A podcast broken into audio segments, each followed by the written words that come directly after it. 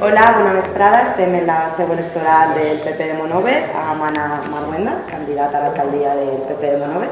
Què tal ha anat la jornada d'avui, Anna?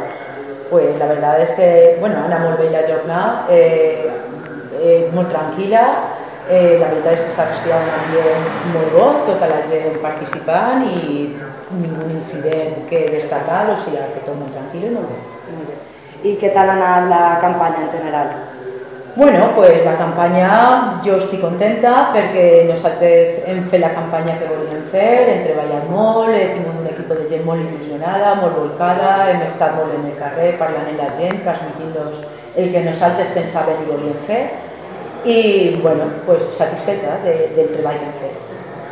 Què espereu d'aquestes eleccions? Que, què il·lusions teniu o què esperances por de alguna manera. Bueno, pues está claro que si nos hemos presentado y estamos aquí es porque tenemos esperanzas y tenemos ilusión en sacar buenos resultados, por supuesto que sí.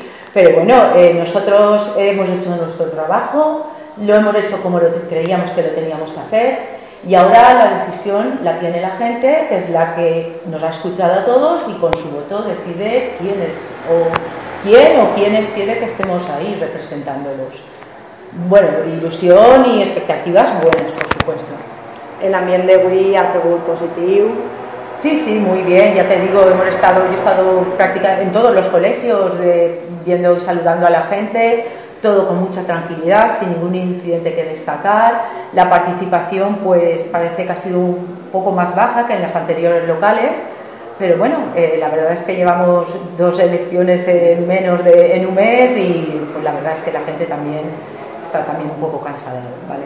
Sí, eso te quería comentar, que a las 6 la Tegua Radio ha publicado que se había, se había visto un 64% de participación y que es inferior al último año. ¿Qué, ¿Qué, os parecía ese dato? Pues han sido tres puntos menos que las anteriores y bueno, no sé, ya eso como tú dices era a las 6 de la tarde, no sé finalmente cómo habrá quedado, si se habrá recuperado algo o se ha mantenido, pero bueno, la verdad es que en unas elecciones siempre es bueno que cuanta más participación haya, mejor, porque eso significa que la gente pues está interesada y le importa lo que pasa en su pueblo, pero al final pues la participación es la que es.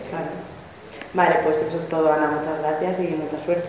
Pues gracias a vosotros por el trabajo que estáis haciendo, que estáis cubriéndolo todo muy bien y la verdad es que os da agradecer a toda la gente que se ha implicado para que todos estén informados y transmitirles a toda la gente lo que está pasando. Gracias. Gracias a ti.